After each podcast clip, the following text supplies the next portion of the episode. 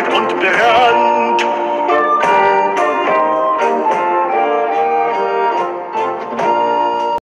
Lars Vivallius härstammade från Vivalla gård utanför Örebro varifrån han tog sitt namn. Han föddes 1605 och dog 1669 och skildrade den svenska naturen med en omedelbar sensualism och friskhet som ingen före honom gjorde och få efter. Men man kan ett tag begrunda det faktum att den som skrev exempelvis klagevisa över denna torra och kalla vår som ni ska få höra lite senare och som är en av pärlorna i vår lyrik var en man som skakade galler i ett ruskigt fängelse i Finland.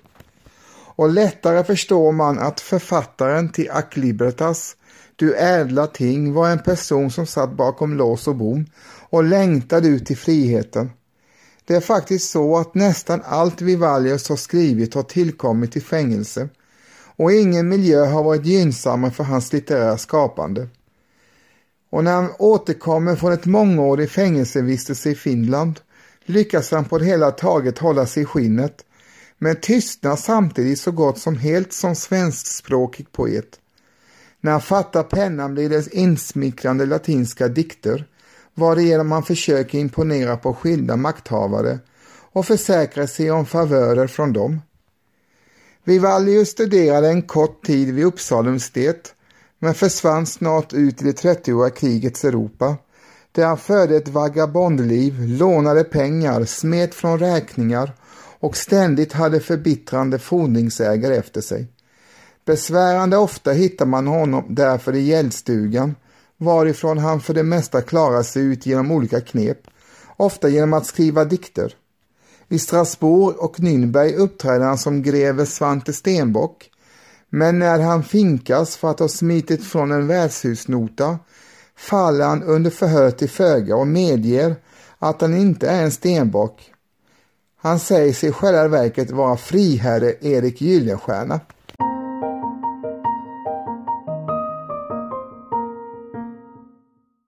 Som Erik Gyllenstierna möter han också sitt öde när han på hemväg till Sverige i oktober 1629 dyker upp i Skåne och på en fest träffar han Ulf Grip och hans dotter Gertrud.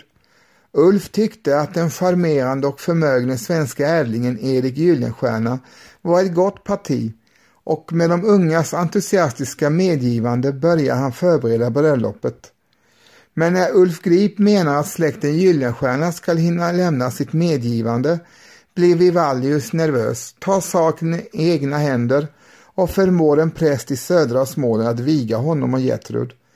Då den hemska sanningen om mågens rätta identitet går upp för Grip sätter han igång ett stort maskineri för att få tag i skurken. Vivallius själv har nu förlagt sin verksamhet till Stockholm där han försiktigt nog uppträder maskerad. Men oförsiktigt nog dyker han emellertid snart upp i Skåne igen och blir igenkänd och kastas i fängelse i Kristianstad.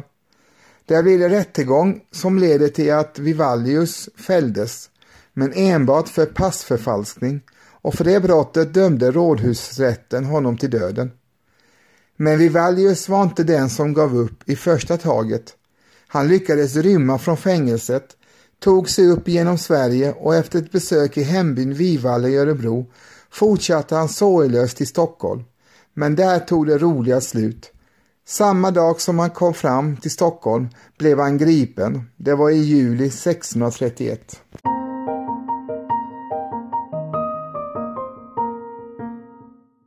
Nu börjar för Lars Vivallius en ny högproduktiv författarperiod, vilket alltså förklaras av att han nu sitter i fängelse igen. Den dråpligaste av hans nu tillkomna skrifter är en tidigare aldrig översatt eller publicerad latinsk avhandling som häpnadsväckande nog är en panegyrisk hyllning till ett sant och riktigt kristeligt äktenskap. Han vill bevisa att hans eget äktenskap med Gertrud Grip är just ett sådant. Vad Gud har fogat samman får människan inte skilja åt är inte alldeles oväntat upptakten till denna märkliga skrift. Vivallius poetiska verksamhet tillhör hans ungdomstid. Hans första kända poem skrevs 1625 över en avliden student. Hans övriga dikter tillhör den tid då han satt fängslad i Nürnberg, Danmark och Stockholm och på Kajanenborg. Dessa stycken utmärks av en varm poetisk känsla, ett livligt natursinne och för en tid som denna en stor formell skicklighet. Även om Vivalius kanske inte tog sin uppgift som skald på så stort allvar så är han en levande svensk klassiker. Sedan han frigetts ur fängelset och inte längre ägde någon yttre anledning till att dikta skrev han endast några latinska poem utan betydelse.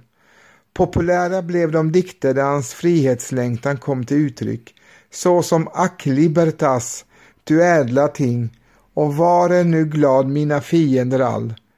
Verkligt betydande är klagevisa över denna torra och kalla vår, vilken gör honom till en den främste diktaren bland sina samtida. Möjligen ligger Vivaldius bakom översättningen av Opitz, väl den som vit av höga klippor.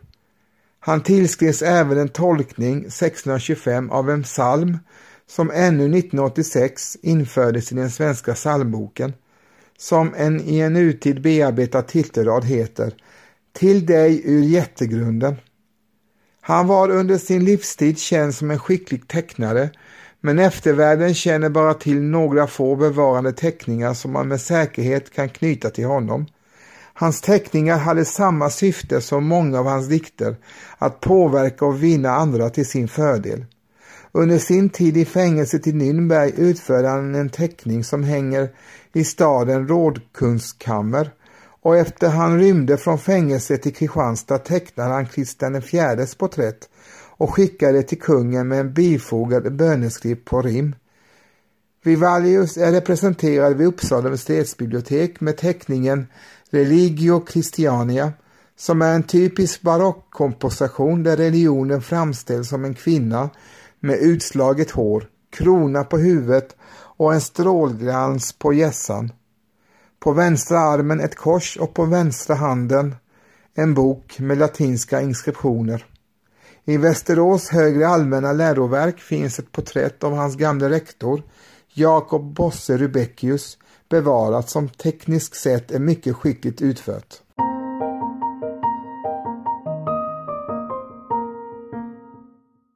Klagevisa över denna torra och kalla vår av Lars Vivallius. En torr och kall vår gör sommaren kort och vinterns föda fördriver. Gud hjälpte som rår, si våren går bort och liten glädje oss giver. Sol varma förbarma hos vädret tott, nu kölden sommaren river. Gott majaregn, giv, lätt dugga ner. Lät varm dagg ötterna fukta. Oss torkan bortdriv, lät fostret ej mer. Den späda blomstren tukta. Var nådig, var rådig, för den jag ber som Herren tjäna och frukta. Lät vädret kallt och torkan oblid, ej tvinga rosorna röda. Lät åken stolt ej läggas på så nid, att den ej, ej bonden kan föda. Bevara från fara i allan tid, de späda jordens gröda. Lät himmelens port utvidga sin gång, hjälp molnen högre uppstiga. Lät höra oss fort skön näktergalens sång, som kölden tvingar att tiga. Lät sjunga de unga med stämmor mång, lät barnen dansa och niga. Lät dansa och rad folk stora och små, lät färla sommarens färlor. På blomster och blad lät tillras stå de våta himmelska pärlor. Lät kvittra, lät tittra, steg litsor små hos granna svenska sädesärlor.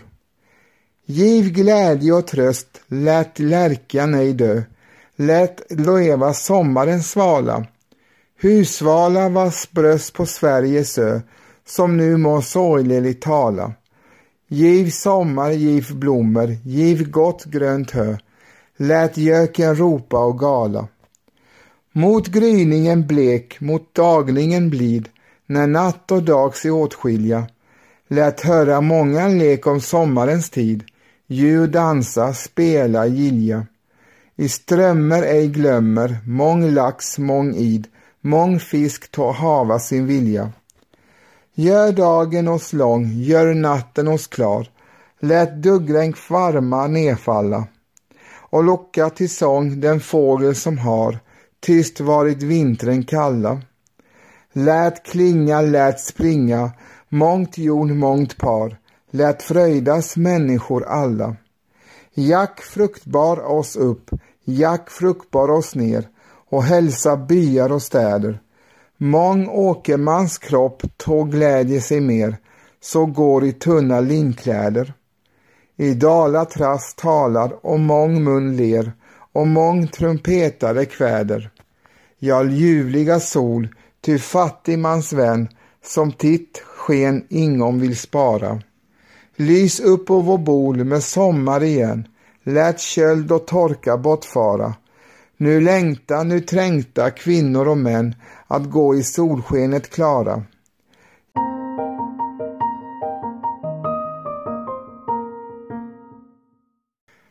Gör sorgen oss kort, bliv åkermans vän, lät grönska skogar och dalar. Driv torkan oss bort, ge vätskan som en, mång bondes hjärta huskvalar. Lät sjunga mång tunga om fröjd igen, som nu bedrövligen talar. Lät skogen stå grön, lät jorden få fukt, se till att oss inte tränger. Lät fläkta en skön och härligt en lukt av skogar, åkrar och änger. Lät kransas, lät dansas med fröjd och tukt, lät bäddas brokota sänger.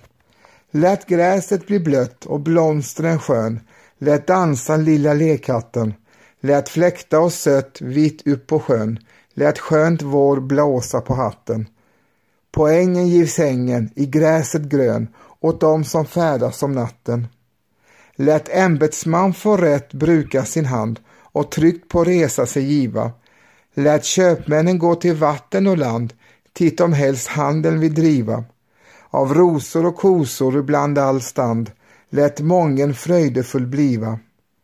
Lät dagen bli varm, mång hede stå står, i mång grön lustiga skugga och resten sin arm åt getter och får, på bär och äpplen lät tugga. Från plogen åt skogen så vitt han når, lät oxen titta och glugga. Släpp boskapen vall, lös oxen ur bås, driv fär och färnat åt skogen. Lät öken få stall in under Guds lås, lät bonden glädjas vid plogen. Höst mustig gör lustig, lät säden fås, av åken ymnig och mogen. Lät grönskan hans får, lät blomstras hans äng, hjälp fylla bingens blotta.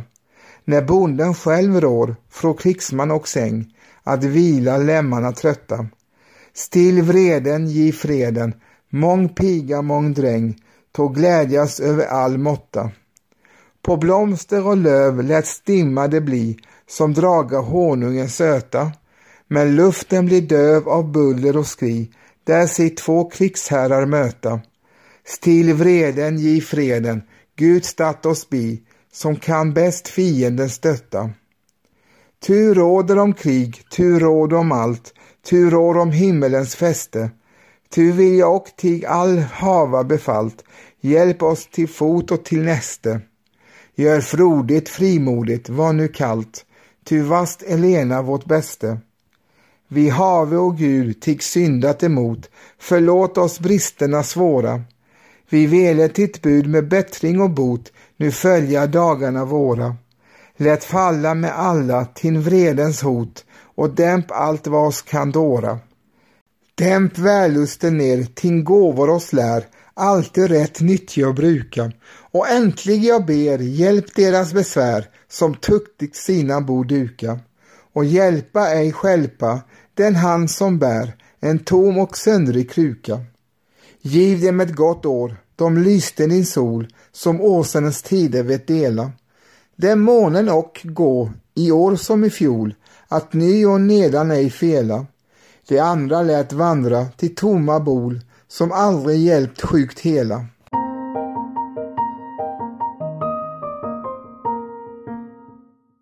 Ni har precis hört mig, Nick Grozdanowski, berätta och läsa lite om den fantastiska 1600-talspoeten, vagabonden, äventyraren, ja you name it, Lars Vivallius, som alltså levde ett kringflackande liv i 1600-talets Europa och Sverige.